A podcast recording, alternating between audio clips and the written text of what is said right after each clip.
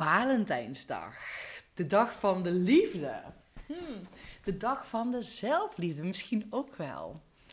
Hoe tof is het dat het vandaag een bijzonder mooie dag is om met een super lieve dame een mooie podcast op te nemen. Een dame die ik de eer heb gehad, alweer behoorlijk tijd geleden, dat ik een tijdje met haar mee mocht lopen, een jaar lang. En nu zitten we hier tegenover elkaar fantastisch mooi gesprek te voeren.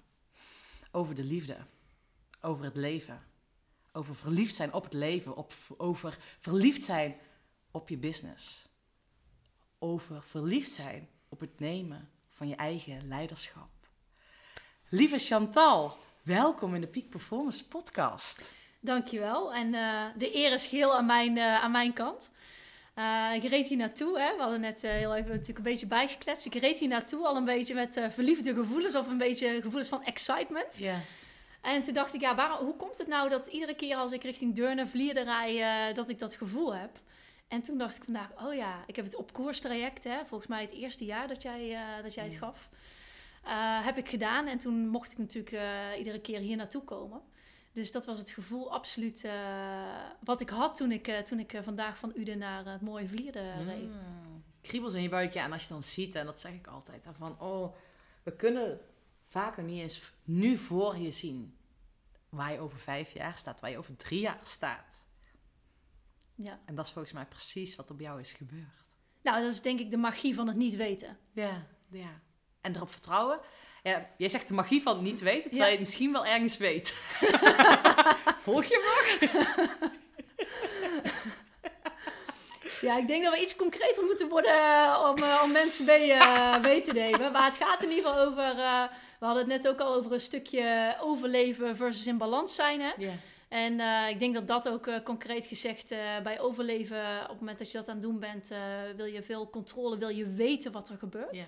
En op het moment dat je in balans bent en uh, zoals jij natuurlijk altijd zegt, uh, vertrouwen hebt, uh, dan is het oké okay om het niet te weten waar we over een jaar of over vijf jaar staan. Ah, daar gaan we vandaag over hebben, want dat vind ik echt fantastische thema's. Maar als eerste Chantal, wie is Chantal van Lanen? Ja, ik had wel een beetje verwacht dat je zou vragen of ik mezelf zou willen voorstellen. Ja, ik ben Chantal van Lanen. Ik ben woonachtig in, het, in het mooie, mooie Uden. We hebben net natuurlijk als Brabanders de carnaval achter de rug. Uh, dus uh, ja, ik ben echt een, echt een Brabantse, uh, zo gezegd. Ik weet nog goed, ik zal beginnen waar, waar, ik nu sta, want ik ben ondernemer. En ik vul mijn dagen, idealiter halve dagen, met mijn sporten. Paardrijden doe ik op het, op het hoogste niveau. En daarnaast werk ik nog halve dagen voor mezelf. heb ik onder andere Recruiter in Huis, is, is een van mijn bedrijven. en ben ik bezig met een programma samen te stellen, Topsport Organisatie. En dan terug naar uh, hoe ik opgegroeid ben, is um, uh, ja, in een mooie Udense. Uh, ik weet nog goed, toen ik vier jaar oud was, werd ik verliefd op de paardensport. Op vier? Vier, ja. Ja, dat was het moment. ik kan me gewoon echt nog herinneren als de dag van gisteren. Dat magische moment. Dat, ik, dat de staldeur open ging. En daar echt een prachtig zwart paard van mijn opa en mijn, en mijn oom samen stond. Een paard dat ook bijzonder goed gepresteerd heeft. Uh, maar gewoon dat die, die eerste keer dat je, dat je dat ziet. Ja, en natuurlijk had ik wel ooit een paard of een pony gezien, zo is het niet. Hè? Maar dat moment dat je verliefd wordt, dat, uh, dat kan me nog heel goed herinneren. En um, ik kom uit een ondernemersgezin. Uh, eigenlijk niet alleen gezin, maar familie moet ik, moet ik zeggen. Dus ook mijn ja, mijn oom heeft een succesvol uh, bedrijf. Uh, mijn ouders hebben altijd samen een bedrijf gehad. En mijn moeder runt nu een, nog steeds een succesvol makelaarskantoor. dus ondernemerschap, ja, ik ben opgevoed door ondernemers, zeg ik wel eens. Ehm, daarnaast was, was met name mijn zusje al heel snel succesvol ehm, in, in de paardensport. we zijn samen opgegroeid ook met, met de sport. En uh, dus dat maakt dat het stukje performance, als je het daarop hebt, zeg maar, uh, dan goed... Uh, ja, ja, aan twee kanten. Hè. Ik bedoel, ehm, mijn slogan is niet voor niks sport, small business op, op mijn LinkedIn. Want ik gewoon heel veel overeenkomsten zie tussen sporten en, en ondernemen. Dus ja, aan twee kanten, zeg maar, is die performance ja, goed, goed ingegaan. Ja. En um, voor mij duurt het alleen wel een tijdje dat ik eigenlijk eh, de, ja, de druk ook, eh, ook de baas kon. Ik eh, maakte, maakte mezelf ook heel druk. En waar had, voelde mee, veel druk. waar had dat mee te maken? Weet je dat? Want je had het net ook al eventjes over overlevingsmechanismes. Ehm kan je dat nu pinpointen? Ehm, ik zit even kijken, het korte of lange verhaal. Ik, de- ik denk het korte verhaal is dat ik gewoon best wel gevoelig ben van nature. Ja. Dus gevoelig voor omgeving, maar ook... ja, ik bedoel, eh, we leven best wel in een stressvolle, stressvolle wereld. Dus ik Ja. pik heel makkelijk signalen op. En ik denk als je het, eh, het diepere verhaal hebt, ben ik wel achtergekomen dat er gewoon al... Ja, eh, veel, dat ik een soort cortisolmachine ben. Ja. Dus het stresshormoon. Ben of was? Ze kijkt naar mij ze, als blikken iets konden zeggen, Chantal. Oh, ik ken jou, Sanne. Ehm, nou, ik durf wel te zeggen dat eh, dat ben ik. Maar ik weet inmiddels ook, eh, onder andere door, eh, door de studie die ik, eh tweejarige opleiding over het brein, weet ik ondertussen ook wel dat het eh, een van de medicijnen tegen cortisol is natuurlijk eh, een gelukshormoon daar tegenover zetten. Mm. Dus ook al ben je geboren of opgegroeid eh, als een cortisolmachine, om het maar even zo te zeggen, hè? Wat er ook is gebeurd. Ja. Ehm, dan kan je, dat betekent niet dat je dan een cortisolmachine hoeft te blijven. Dus Nee. ik denk, ik ga even de middenweg, eh, pak even de middenweg, Sanne. Ja. Ehm, er zijn gewoon heel veel manieren om te zorgen dat je toch weer terug in balans komt. Ja. Kijk, we kunnen niet bepalen natuurlijk hoe we ter wereld komen of eh, Nee. hoe, hoe we opgroeien of wat er overkomt. Maar je kunt wel, wel je eigen, eigen handleiding eh, leren kennen, om het zo te zeggen. En, en wat, welk, wat helpt voor jou om het als gelukshormoon er tegenover te zetten? Wat doe je daar speciaal voor? Ja, zover ben ik nu nog niet. Nee, nee, dat is niet, dat is niet waar. Nee, dat, dat- zover ben ik wel. Maar ik bedoel meer, ik heb natuurlijk, het is nog een hele reis voor mij om, om erachter te komen. Het is ook niet, eh, we blijven mensen. We zijn geen machine van, oh, ik voel een beetje cortisol, dus huh, zet er endorfine te, te- tegenover. Nee. Zo is het ook niet. Maar ik denk wel, ehm het begint bij in balans zijn. Eh, dus daar, daar begint het eh, mee. En dat betekent eh, goed voor jezelf zorgen. Eh, fysiek en mentaal. Eh, dus dat is, dat is de basis. Ehm, en natuurlijk raak je, raak je altijd alweer een keer uit balans. Maar terug, terug naar, dat, naar dat punt van dit ben ik. En zo wil ik mijn leven leiden, zeg maar. Ja. Eh, dan haal je jezelf ook wel weer, wel Ja. weer terug. Zonder nu te praktisch te worden. Want ik kan wel zeggen, oh, een beetje cortisol, endorfine en dit en Nee, dat. ja, dat snap ik. Maar waarom ik deze vraag stel, ik ken jou natuurlijk langer. En ik zie hier en ik voel hier dat hier gewoon een hele andere Chantal tegen me over me, over me zit. En ik vind het ook al fantastisch om hè, bij de luisteraars zaadjes planten van praktische dingetjes. Dus ik ben gewoon heel erg nieuwsgierig. Wat heb jij gedaan? Want ja, ik vind echt dat je jezelf tekort doet als je zegt van... eh, ja, nee, ja, maar ik ben daar nog lang niet. Nee, bullshit. Ik, ik zie hier gewoon echt hier iemand anders zitten. Dus, dus misschien voelt dat voor jezelf zo. Maar ik zie hier wel een dame zitten. En ik denk, wow, weet je, je hebt mega stappen gezet. En voor mij voelt het alsof je daar wel mee aan het spelen be- bent. Ja, Dus wat, wat heeft er jou in geholpen om dichter bij jezelf te komen, die balans te vinden? nou, ik denk wel in het thema van... Ik heb vandaag ook een Valentijnskaartje voor mezelf geschreven. Mm. Dus misschien een thema daarvan wat ik daar als Ja. reminder van mezelf heb geschreven... is eh, do what you love and love what you do. Hmm. En dat zijn twee verschillende dingen namelijk voor mij. Do what you love, dus dat is de basis. Hè? Dat je ehm, ja, zelf je eigen koers eh, vaart. Hè? Zo- zoals we even een thema eh, Ja. van jou eh, blijven. Ehm, dus dat is dan de basis, je eigen koers varen. Maar dan love what you do is ehm, ja, ook wel gewoon de... het is maar net hoe je naar dingen kijkt. Hè? Kijk, ik ben natuurlijk... ehm, een groot fan van, van Johan Cruijff. En hij zei al ooit, ieder nadeel heeft zijn voordeel. Ja. En dat is wel echt hoe ik ook, ook, ook leef. Ja, dat, dat, dat uit iedere tegenslag geeft informatie, zeg ik altijd. En dat betekent ook... ehm, ja, misschien wel op een gegeven moment... eh, ik durfde, toen ik in de overlevingsmodus stond, nooit fouten te maken, bijvoorbeeld. Hmm. Maar nu, ja, ik zeg, ik zeg niet eh, meteen van yes, die fout. Soms moet ik wel heel even weer terug op mijn, op mijn voeten gaan staan. Maar het is wel zo van, eh, ja, de overwinningen zijn mooi. Ik zeg altijd, geniet van je overwinningen. Dat is belangrijk. Eh, maar een tegenslag zit meer informatie. Oh, ja, ik vind het even wel mooi wat je zegt, want dit resoneert ook wel met. ehm, nou ja, we hebben straks elkaar aan de telefoon gehad. Stuur je mij dan nog even je adres door, Oh, zei ja, je nog? Ja. Je bent natuurlijk vaker hier geweest. Oh, Nou, mocht je mij eh, nog niet kennen of me nog beter willen leren kennen. Ik heb natuurlijk Chantal geen adres gestuurd. En ik was daar niet verbaasd over. Eh, Jij was daar niet verbaasd over, want je kent mij. Ehm, maar was het dan zo dat je vroeger, hè, je hebt dan niet de controle over waar je precies moet zijn, dat was je vroeger anders mee omgegaan dan dat je nu daarmee omgaat? Nou had ik op zijn minst al hartkloppingen gehad. Oké, ja, ja. ja, ja, ja. En dat is ook dat eh, ja, leren, eh, ja, leren houden ook van de dingen die fout gaan. Of eh, zien wat het je brengt. Als er iets niet werkt zoals je het van tevoren had bedacht. Of eh, dat stukje. Dat was hier ook. eh, moment dat ik eh, dat adres niet... Ik, ik ging vertrekken thuis. Ik zocht het even op. Denk, ja, volgens mij ongeveer drie kwartier. Nou, bleek dat 40 minuutjes zijn. Ik denk, prima, stop ik in die auto. Playlistje gemaakt. Ik denk, ja, ik heb van Sanne nog niet haar adres gekregen. Hè? Ja, dat verbaast me ook niks. Maar dat is iets, zeker in het programma, eh, wat heel erg terugkomt van... eh, en wat ik natuurlijk op jouw Instagram altijd, eh, altijd zie van leven is een avontuur. Toen dacht ik, oh ja, dit is weer de Sannes, hè. Eh, weet je, zoek het maar uit.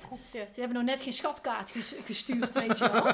Dat zou ook kunnen, hè? Dat weet Nou, je. nou, dat had me ook niet verbaasd. Eigenlijk verbaast mij niks. Dus zo openstaan eigenlijk voor het feit voor wat, het, wat er zou kunnen gebeuren. En toen dacht ik, oh ja, volgens mij was het vlierde. Ja, even terugdenken. En, dus ja, toen heb ik maar gedacht van, eh, eh, ja, één, eh, was het ergste, dat denk ik ook heel vaak, was het ergste wat er kan gebeuren. Toen dacht ik, oh ja, dat ik te laat kom. Oké, het ergste wat er kan gebeuren. Oké, maar dan, of, of dat ik dus het helemaal niet kan vinden. Maar dan Dat ik zal moet bellen, ja. ja, nou, dan had- nou, dus als dat, als dat twee, twee slechte scenario's zijn, hè, want mensen zeggen wel heel snel van je moet uitgaan van het goede, maar soms helpt het mij ook heel erg Ja. om eens even het hele scenario uit te denken wat het allerergste is wat er kan gebeuren. Ja, ja. Hè, en dat is vaak iets spannender dan eh, hopen op het goede natuurlijk. Eh, en ik dacht, ja, dus die twee, twee slechte scenario's was één, ik kan het helemaal niet vinden. Ja. Eh, en twee, ehm, en dan had ik jou dus gebeld. Ja. Dus daar had ik alweer een, een, een soort antwoord tegenover gezet. Ehm, en het tweede wat ik dacht is, ik kom te laat. Ja. Ja, daar had ik... ik kom altijd te laat. Dus dat is... Nee, Nee, je was op tijd. Ja, ik was op tijd. Het is ook niet waar dat ik altijd te laat Nee. kom. Maar ik bedoel, ik kom wel vaak te laat. Eh, ik weet dat jij ook niet zo heel scherp van de tijd bent. Dus daarmee was mijn probleem ook al opgelost. Want ik dacht, ja, oké. Ik denk dan ook, boeiend. Ja, Ik heb morgen vroeg een klant, dan moet ik zeggen, een grappig verhaal. En eh, ik weet nog dat hij de vorige keer kwam. Ik ben heel benieuwd hoe het morgen is. Maar vorige keer was ik ook 's ochtends, vaak spreken we heel vroeg af. En ik was me aan het voorbereid. Toen dacht ik, ja, ik hoef me toch niet te haasten, want mijn klant komt te laat. Ja, maar ja, je trekt aan, wa- eh, eh, hoe noem je dat? Je Ja, trekt sorry, aan eh, ja. wat je zelf bent, hè? Dus, eh, En op een gegeven moment, hij appte al. Ja, Sanne, ehm, ik ben eh, een kwartier te laat. een week ter- app terug. Daar had ik al rekening mee gehouden. ja, dat is erg, hè. Ik, ik zeg ook wel eens, eh, vooral zeker tegen mijn eh, trainer in de sportschool. Die is eigenlijk, eh, ik ben al tien jaar, tien jaar bij hem. Oh, tien jaar? Ja, Wauw. tien jaar. We hebben laatst jubileum gehad. Dus jubileum gevierd, zo Ja. moet ik het zeggen. En eh, ik ben al tien jaar bij hem. En van de tien jaar eh, kom ik denk ik al eh, negen jaar te laat. Ja, oh ja. Hè, in meer of mindere mate. Ja. Ehm, dus als ik op tijd ben, dan zeg, zei ik eerst al wel een paar keer van, want laatst tijd ben ik goed op tijd. En ehm, dan zeg ik altijd van, eh, oeh, jij schrok hè? Weet je wel, Ja. dan maak ik meteen een grapje van. Of soms als ik op tijd ben, dan, dan app ik mensen ook wel eens, let op, ik ben op tijd. Ja. Weet je? Niet schrikken.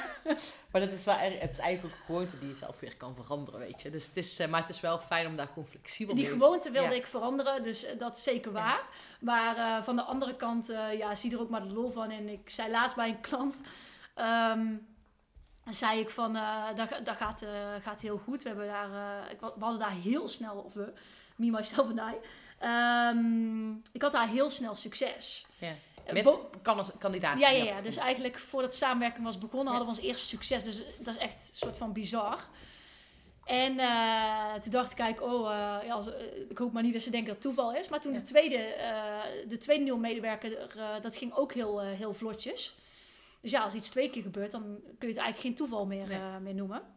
En toen was ik te laat en toen zei ik ook tegen die klant, zelf, ik zeg, het is maar goed dat ik hier goed presteer, hè. Want ze zegt van op tijd komen moet ik het niet hebben. Dus ja, Ja. om daar zelf ook een beetje, ja, het allemaal niet te, niet te serieus, te, te serieus te Nee, nemen. dat ja. doen we veel te vaak. Ja. Ja, en toen had die klant echt zoiets van... eh, ja, boeien dat jij te laat bent, weet je wel. Alleen, ja, ook, misschien maak ik het grapje wel meer voor mezelf als voor de klant. Om even gewoon even te relativeren. Dat waarschijnlijk wel. Want dat is het punt. Vaak vinden wij het zelf een groter issue dat je te laat bent dan de ander. Ja. Uh, ja, dat is wel mooi. Maar eventjes terug, hè, want jij zei net... Je vertelde over de druk. We hadden het over de druk die ik voelde om te presteren. Dus ik denk dat het iets is dat ik gewoon uh, wat dat betreft ja, wat, wat, uh, wat gevoeliger ben. Ook voor, voor omgevingssignalen. Makkelijk dingen op, oppikken. Ja. En als jij... Um, ja, ik bedoel, we, we hadden het net natuurlijk al heel even over van je bent uh, het meest beïnvloedbaar in je, in je opvoeding de ja. eerste duizend dagen. Hè? Uh, van je leven. Dus vanaf conceptie tot, uh, tot de duizendste dag. En waarom is dat zo? Uh, nou, ik zal even nog de tweede periode benoemen. Ja. Oh, ja. Wij zijn allebei chaos namelijk. Dus die eerste duizend dagen ben je het meest uh, beïnvloedbaar. en het andere is, dat wist ik tot voor kort niet, is je puberteit. Ja. dus dat zijn twee periodes waarin je neurale netwerken extra snel aangemaakt worden. Dus we zijn een soort leermachines dan. Ja. Hè, dus ook met kinderen gaat het ook altijd zo hard. Hè? Zeggen mensen altijd, oh, het gaat zo hard en uh, de, ja, het gaat zo snel. Ja, dat is logisch, want ja, de hersenen zijn erop gemaakt in die twee periodes om echt... Uh, gemaakt officieel eigenlijk om te overleven. Hè? Ja. Dus te leren van hoe kan ik het beste overleven in de wereld. En voor mij was het dus in de eerste duizend dagen... Um, ja, dat er al veel cortisol... Uh, dat ik al vrij bekend werd met cortisol. Waarom? Wat, wat gebeurde er in jouw eerste duizend jaar, dagen? Want de eerste duizend dagen zijn bijna de eerste drieënhalf jaar. Nou, laat met iets positiefs beginnen. Want dan vind ik altijd wel leuk om altijd ook naar de goede dingen natuurlijk te kijken. Uh, ik, ja, ja, ja. En het is Valentijnsdag en het is carnaval net geweest. Dus laten we beginnen. Het positieve is, ik ben verwekt tijdens carnaval. ja. Dus het is niet zo gek dat ik in ieder geval, uh, dat de Brabander in mij er nooit meer uitgaat, weet je wel.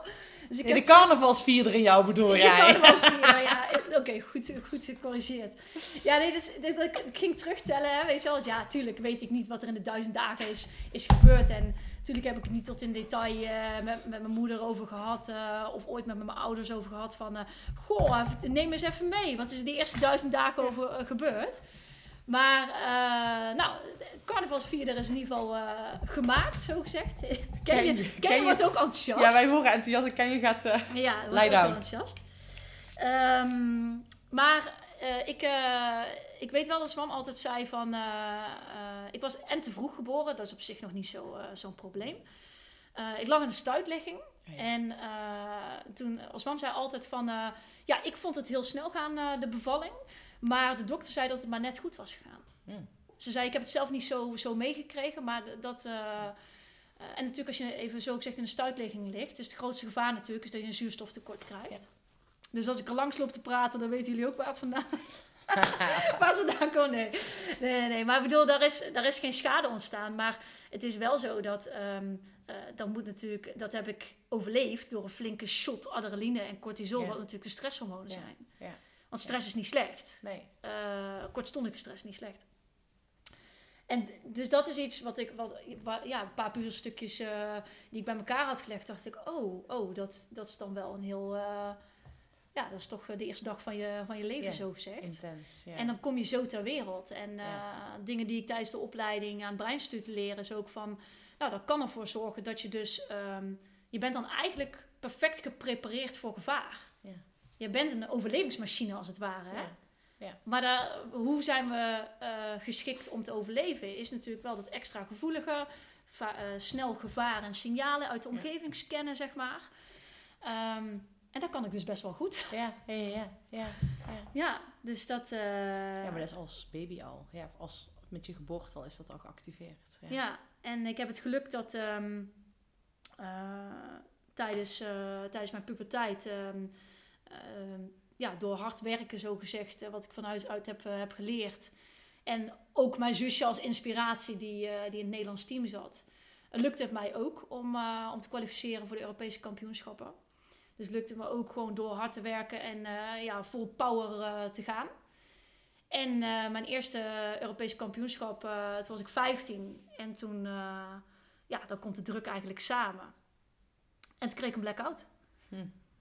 En gelukkig, doordat ik uh, ja, doordat ik die proef zo vaak en dat paard ook zo goed kende en hij kende mij, zeg maar, resulteerde dat uiteindelijk in een, uh, in een vierde plaats. Oh, niet slecht.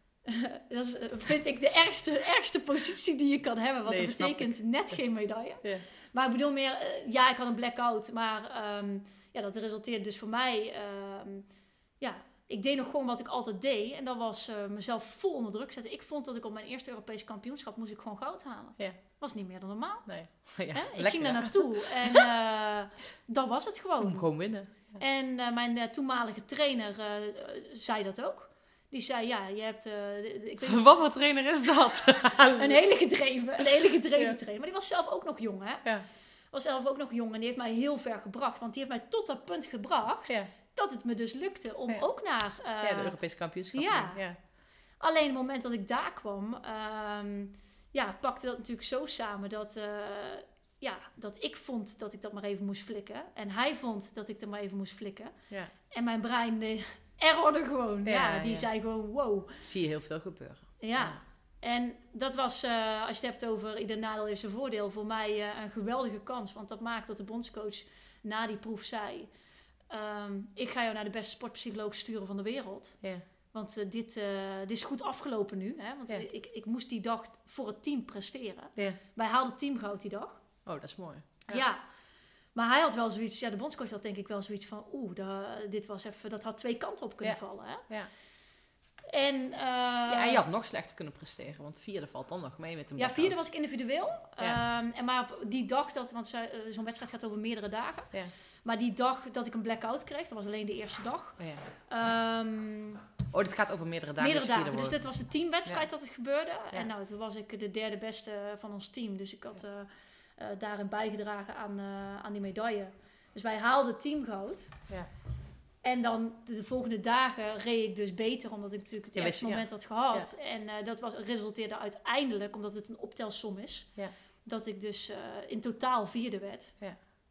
Dus eh, toen zei hij dus, ja, ik ga jou naar de beste sport- sportpsycholoog sturen. En dat klopt. Ja. Dat, he- dat heeft hij gedaan. En dat begon dus voor mij, als je het hebt over puberteit. puberteit is een beetje een ruim begrip, maar ik geloof dat die neurale netwerken extra sterk zijn tussen je 14e en 25ste ongeveer. Ja, en ik was Oh ja. 15 Ja, natuurlijk. ja, ja. Dat is een lange puberteit, maar dat is Ja. eigenlijk jong als adolescentie. Dat, ja, het eh, gaat ook niet zozeer om over, ja. over een puberteit, denken we vaak aan het Nee. puberen. Maar ik bedoel dan Ja, de, de volwassenheid van Ja. het brein, zeg Ja. maar. Ja, dat is ook wel wat ik altijd zeg. We denken wel dat we op 18e volwassen zijn, maar dat is helemaal niet. Want dan weet ik ook van mezelf, in de, met je puberbrein, dat je nog veel meer keuzes maakt vanuit eh, ja, genot, eh, extreme keuzes, weet je. Want ik had het van de week er nog over, ik weet niet hoe dat bij jou was, maar vroeger, rond die periode, hoe je toen carnaval vierde.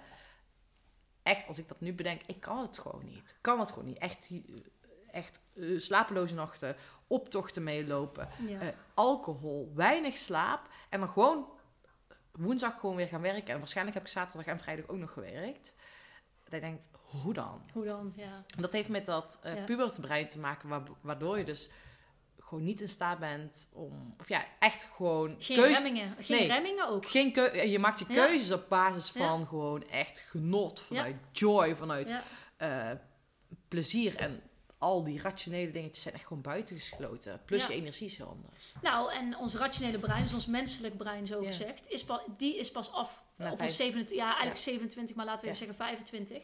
Dus Ja. dat is die periode dat, ja, dat, dat dat menselijk brein steeds sterker wordt. Jij je reageert dus echt vooral op je emotionele brein. Ja. Oh, grappig. Ja. Ik vind het grappig. Nu komt ineens van alles omhoog. Van jaren terug dat ik er in verdiept heb. Ja. Ja. dus dat, eh, ja, dat gebeurt er. Ehm, dus vanaf mijn vijftiende mocht ik samenwerken eh, met eh, Rico Schuijers. Eh, hij heeft echt heel, heel veel atleten en topsporters geholpen. En boeken geschreven. oh, nou dat wist ik niet. Maar misschien volgens mij heeft hij. Oké. Volgens mij heb ik een boek van hem in mijn Ja, dat kast, hè. kan, dat kan. En ik Ja. bedoel, ik heb hem nu al, ik weet niet hoe lang niet gezien. Dus Ja. in die tijd dat hij mij coachte, stond hij natuurlijk ook heel ergens anders in zijn leven als waar hij, Nu staat, ja. waar hij nu staat. Hè? Dus, en toen zat hij volle bak op het coachen van, van topsporters. Dus ik mocht daar naartoe. En het mooie is eigenlijk dat eh, in die drie jaar dat ik met hem heb gewerkt, toen zei hij: Ik heb jou alles geleerd wat ik jou kan leren.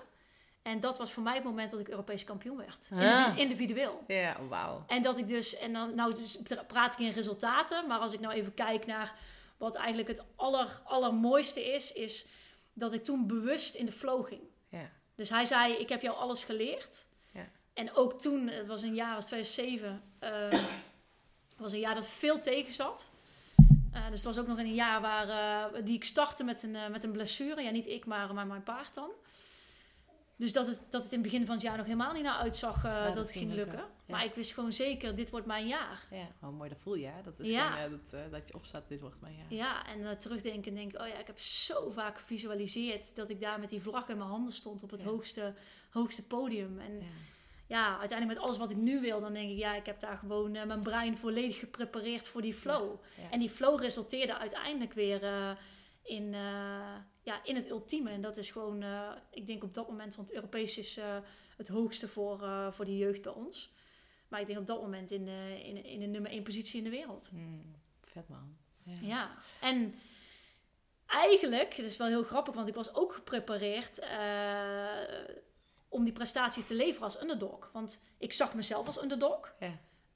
Eén al vanwege mijn zusje, hè, die natuurlijk op jongere, jongere leeftijd veel beter was. Dus ik was altijd de underdog in, Ja. in, in het leven. En daar had ik een, voor met het Europese kampioenschap, had ik een voordeel van gemaakt. Ja. Ik Oh, vond mooi. dat, eh, want ik dacht, ja, als ik mezelf als de underdog, dan, dan voel ik geen druk. Nee, ah, ja. Dus je had ook geleerd hoe je met die druk om kon Ja, gaan. en eh, dat had ik van tevoren ook. eh, ik, ik weet nog goed, ik stelde Rico die vraag. Ik had, heel, want ik had wat eerste blessure. Toen kwam ik terug van de blessure, werd ik meteen Nederlands kampioen. En vervolgens heb ik geen één wedstrijd meer verloren. En dan ga je naar het EK. Ja, ja. Dus ik denk, shit, ik ben mijn underdog positie kwijt. Want ja, als je alles wint, Ja. wat gaan mensen dan doen? Dan gaan ze zeggen, jij gaat winnen, hè? Ja.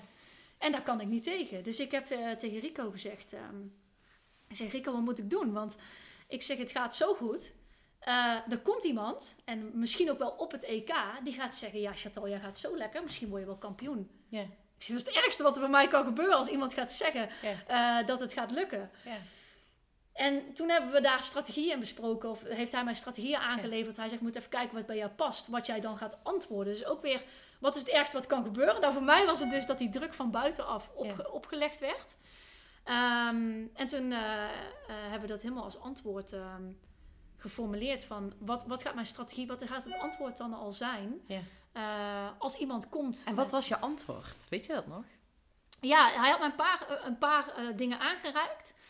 En toen heb ik gekozen voor het feit dat ik het in het midden wilde laten. Dus dat ik zei, er moet eerst nog gereden worden. Ja, oh ja. Er moet, Dus even, ja, even rustig. we, we zien het straks wel. Ik bedoel, Ja. aan het eind van de rit moet het allemaal nog maar zo blijken. Ja. Dus om, om Ja. In plaats van, als iemand zegt, eh, ik denk dat jij kampioen wordt. In mijn enthousiasme Ja. zou ik het liefst willen zeggen, ja, en dat komt goed. En Ja. we gaan ervoor, weet Ja. je wel. En dan zet ik mezelf gewoon eh, Vast. zet ik mezelf Leg je vast. druk op, ja. Ja, heel mooi. Hey, en het stukje, want hè, je hebt heel erg mooi beschreven hoe je dus e- en die blackout hebt gehad en jezelf eigenlijk hebt geprepareerd in die flow. Dat je naartoe kan leven, dat ook een stukje visualiseren, je, je mind erin klaarzetten.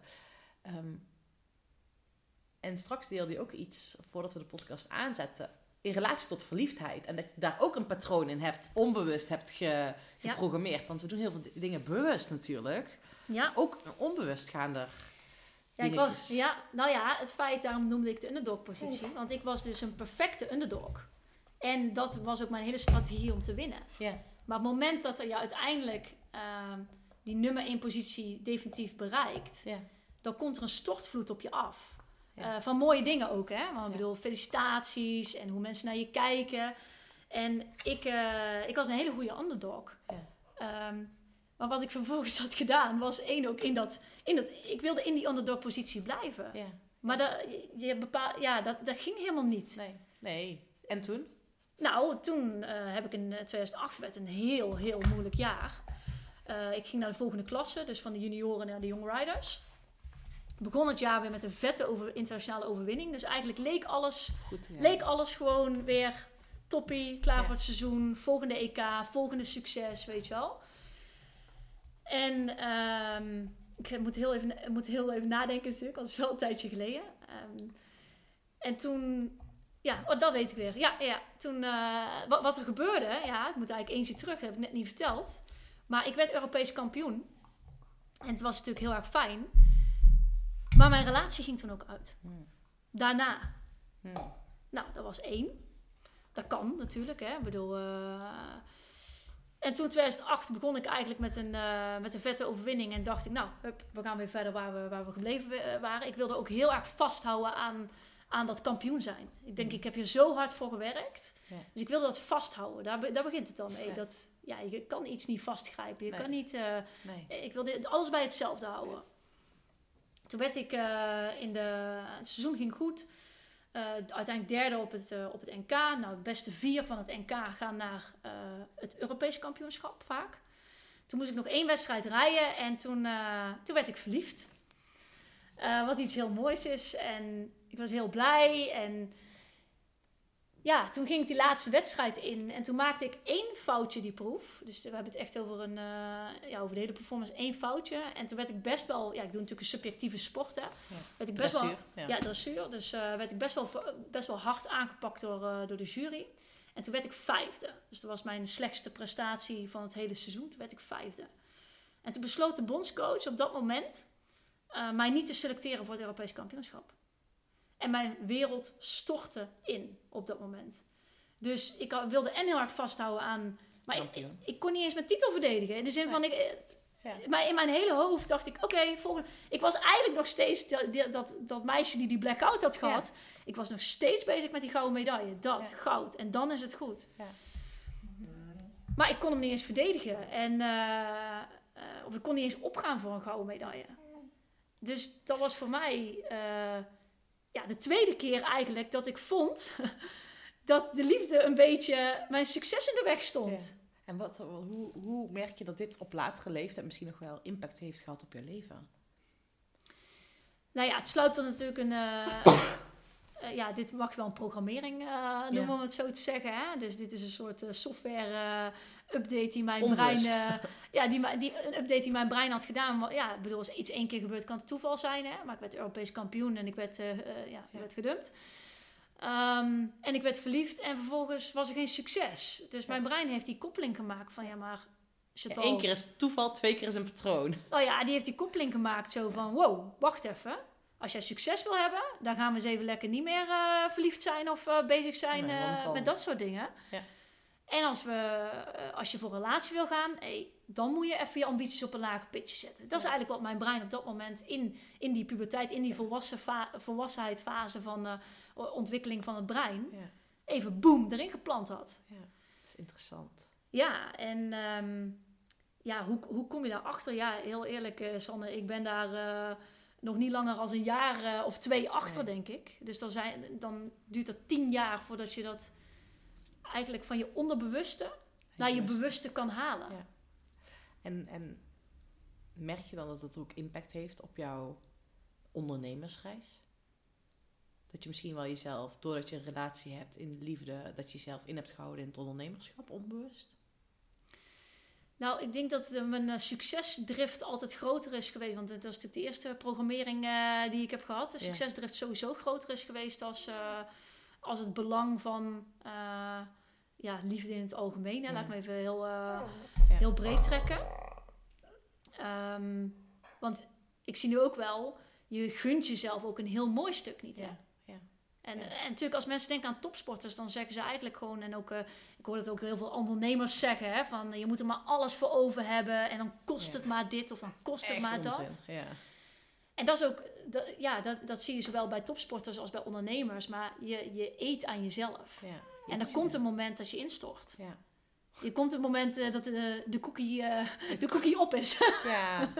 ja, ik zeg niet voor niks duurzaam winnen op alle fronten van je leven. Wat is nu het allerbelangrijkste Het is niet leven? duurzaam om eh, te denken, Nee. ik, ik, ik moet delen van mezelf of Opofferen. opofferen of zo. Of eh, weet je, dat, dat, dat, dat kan wel een soort eh, korte termijn win zijn. Ja.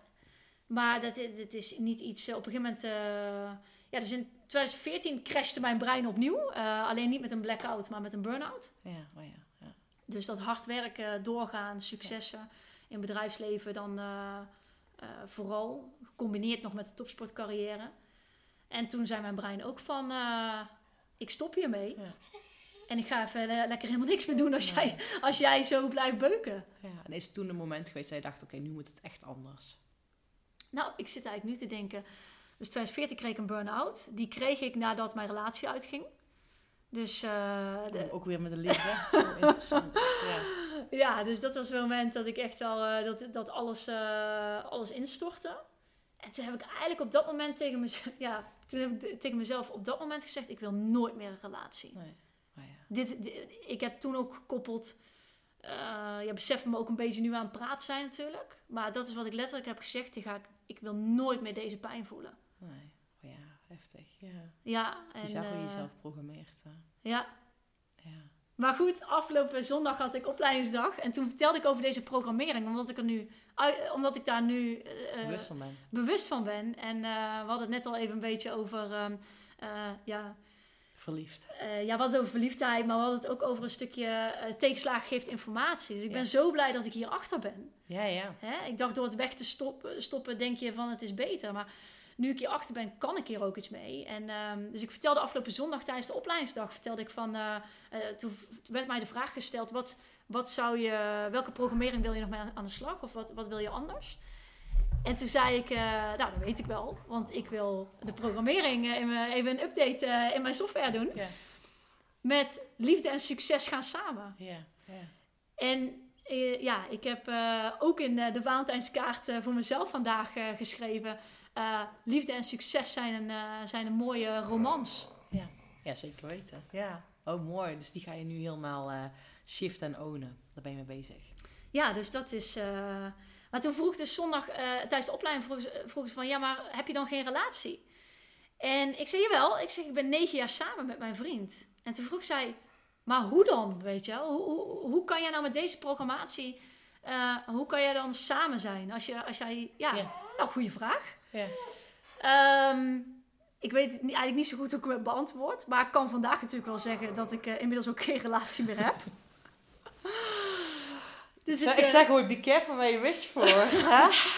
Dus dat, eh, ja, uiteindelijk eh, is dat denk ik weer een kans om, eh, of denk ik, dit is, dit is een kans om eh, die nieuwe programmatie natuurlijk samen met het opbouwen van, eh, ja, een nieuwe verliefdheid, hè. Ja. En eh, Dat is wel een mooie uitnodiging. Om en succes, hè, want jouw bedrijf loopt als een trein. En relatie echt vanuit wie je werkelijk bent. Als je nu denkt, dat hoor ik op de achtergrond, ken je niet ook mee in praten, de hond. toen ik het, eh, voor, voordat we de podcast aan het opnemen waren, toen was ik dit eh, tegen jou aan het vertellen. En toen legde Kenny een pootje op mijn Ja, voet. ja, dat was echt, echt geweldig. Echt hoe je dat aan het vertellen was over je relatie, dat het nu over is. Ja, dat is wel... eh, en dat is ook wel mooi dat je het vertelt, want het voelt een soort van opluchting dat je relatie ook over is. Dus misschien dat je het zondag al aan het vertellen was, terwijl je onbewust wel wist van, hé, hey, er zit een einddatum aan. Ehm, en dat die anderen dat ook aanvoelen. Ja, ja, en eerst zit dat in het onderbewuste. Ja, Maar vervolgens, eh, en praktisch gezien even denken, want je zei ja, ik wil mensen ook iets meegeven van hoe doe je dat dan, hè? Ja. Dus eh, ja, ik bedoel, 95% van wat we doen, doen we op ons onderbewuste Ja. systeem, hè? Dus 5% gebeurt maar met onze, wat wij bedenken als mens. En soms vragen mensen mij ook wel eens, ja, maar eh, hoe doe je dat dan, hè? Uit die 95% putten, want daar zit natuurlijk een enorme kracht. ja, ja definitely. Ehm, ja, en dat is eh, op zoek gaan, eh, als je ergens echt tegenaan loopt, naar oorzaken. Dus eh, je loopt ergens tegenaan, maar je weet niet waar het vandaan komt. Ga op zoek naar wat is de oorzaak bij jou. En wat bedoel je met de oorzaak? Waar is het ooit begonnen? Of wanneer is het eerste moment in je leven geweest? Ja, stel je bent je bewust van, Ken je dat wat? eh, ik wil iets, iets anders, zeg maar. Hè, dus je voelt een bepaalde frustratie. Hè? De, Ja. bij, bij frustratie begint verandering.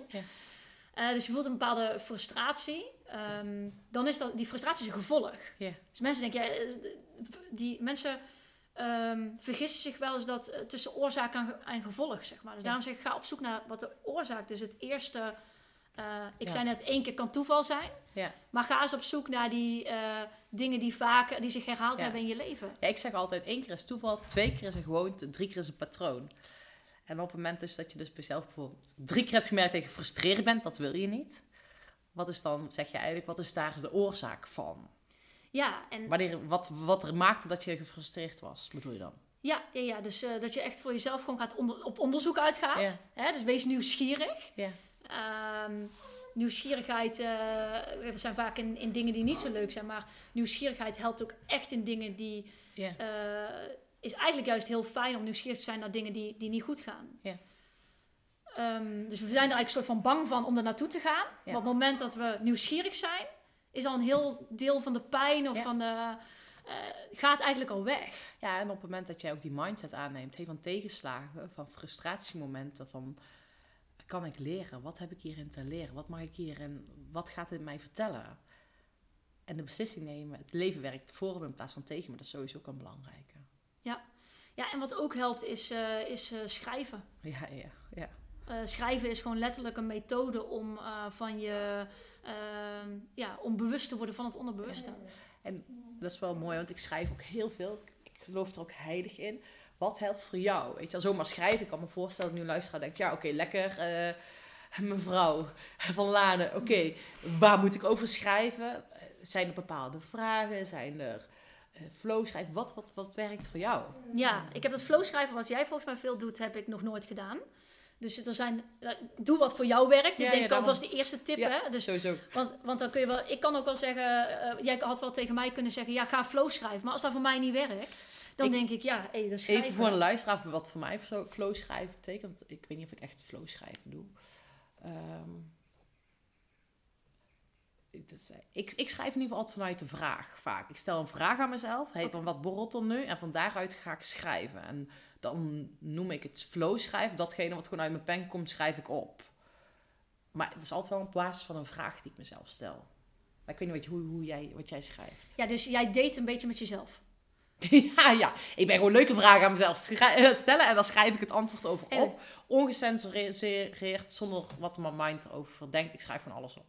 Ja, maar dat is ook Ja. als je verliefd bent, hè? Als jij Ja. aan het daten bent met iemand. Nee, maar het is geen grap. We zitten Valentijnsdag, Ja. hè? Dus het blijft lekker een thema. Maar als je aan het daten bent met iemand, dan ben je nieuwsgierig. Hè? Dan heb je een open mind. Dan geloof jij in mogelijkheden. Dus jij bent gewoon iedere dag jezelf aan het daten. Ja, dat is wel mooi. Ja. Ja, Hoe dus, doe jij eh, dat dan, met schrijven? Ehm, nou, wat voor mij, eh, ik heb echt een heel druk hoofd. Dus ik doe al heel lang, en daar is dit ook wel een beetje uitgekomen. Is eh, als, ik, eh, als ik een soort gedachtenspinsel heb, en dan Ja. maakt niet uit of positief, negatief of whatever, hè, Ja. dan schrijf ik het voor mezelf meteen even mijn telefoon. Ja. Want het eerste doel wat ik daarmee had was, anders kreeg ik een soort overvol hoofd. Ja, ja, snap. Dus dat, eh, dat is ook iets wat je veel leest. Hè? Van, voor het slapen gaan nog even wat dingen die in je hoofd zijn. Schrijf die gewoon weg. Ja. En dan kun je ze vergeten en dan heb je rust in je hoofd.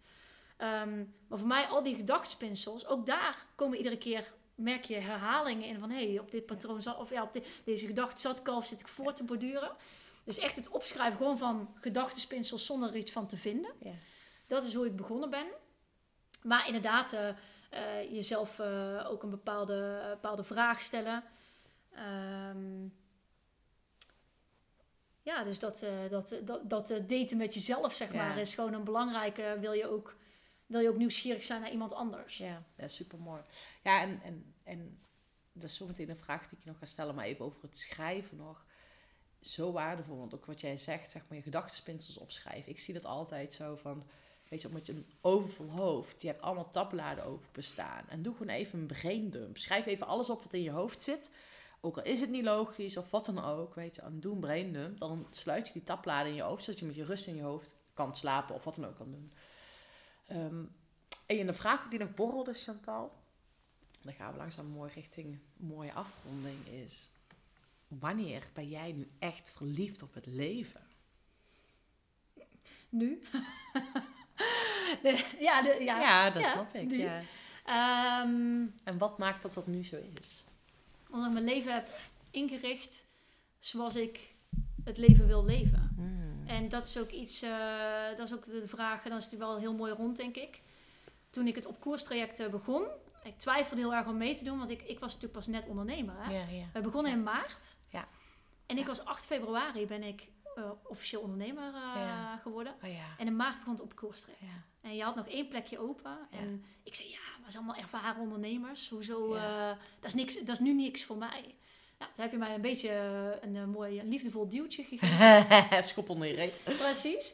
Toen ben ik, ben ik in het op koers ehm, eh, traject gegaan. En toen denk ik, het zou me niet verbazen als een van de eerste vragen was geweest van hoe wil jij je leven inrichten? Ja.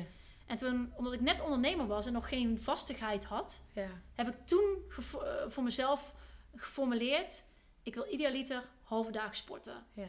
Dus halve met die paarden bezig zijn. Ja, heb je, weet ik nog. werken. Ja. Ja, ja, ja. Het voelde echt waanzin dat Ja, ik dat toen zei. En ja. eh, het eerste jaar dat ik dat tegen mensen zei, zei ze ook echt van eh, dream on. Ja. Ehm, Maar nu doe je het. nu is het heel normaal voor mij. Ja. En ook heel normaal om te voelen van wanneer heb ik iets te veel gewerkt en mag ik dus iets meer sporten. En eh, wanneer moet ik eigenlijk een beetje meer eh, even gewoon eh, even gas geven op het werk. Dat is, de laatste is niet zo moeilijk hoor, want Nee. iedereen trekt toch aan je. Dus Ja. je wordt toch wel getrokken door werk. Daar hoef je echt Ja. niet je best voor te doen.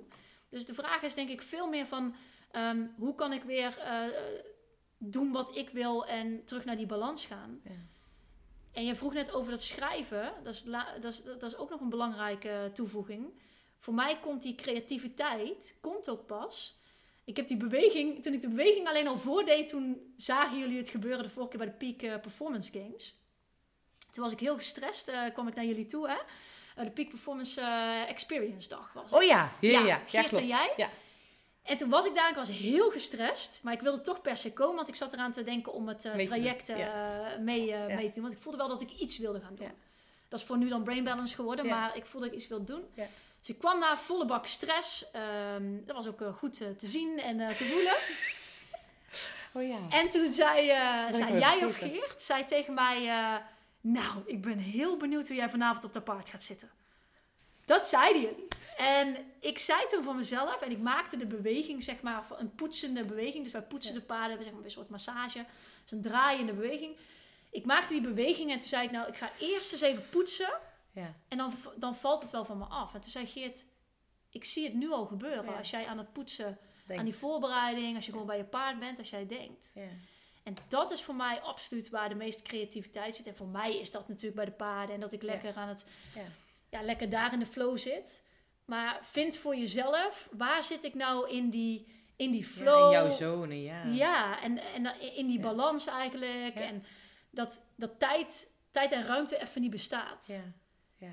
En het is bijna te vergelijken met mediteren. Ja, dat, oh, I know. Ja, weet je, als ik op mijn fiets of in het...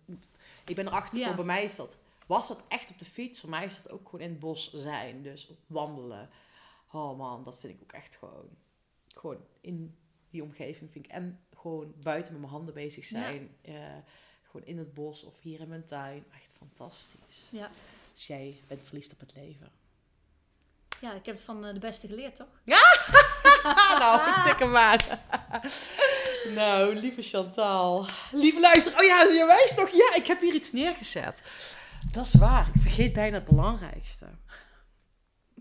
Want Chantal is, was, heeft vorige week een verjaardag gehad. Haar ondernemersverjaardag. Vier jaar. Drie. Drie. Mijn favoriete getal, drie.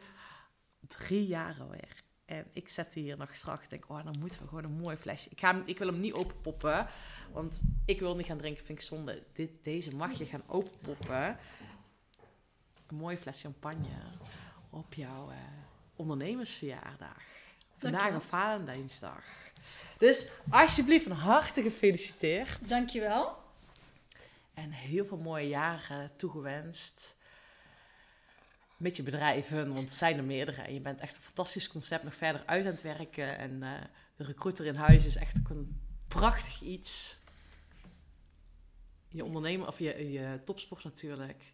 Wauw. Je maakt nog even reclame voor mij, dankjewel. Dit was een sluikreclame. Je moet daar ook even 1000 euro voor aftikken. Dat weten jullie niet, maar... eh, Lieve luisteraar, alles doe ik met liefde. Dus, eh hey, dankjewel voor het luisteren. Lieve Chantal, dankjewel voor het mooie, mooie gesprek. En eh, we keep in touch. ja, tot de En- volgende zou ik zeggen. Tot de volgende, inderdaad. Lieve luisteraar, tot de volgende. Dankjewel voor het luisteren. En weet, antwoorden vind je in beweging. Chantal heeft heel veel mooie dingen gedeeld. Dus ik wil voor jezelf uitnodigen. Met welk zaadje ga jij bewust aan de slag? Tot de volgende keer.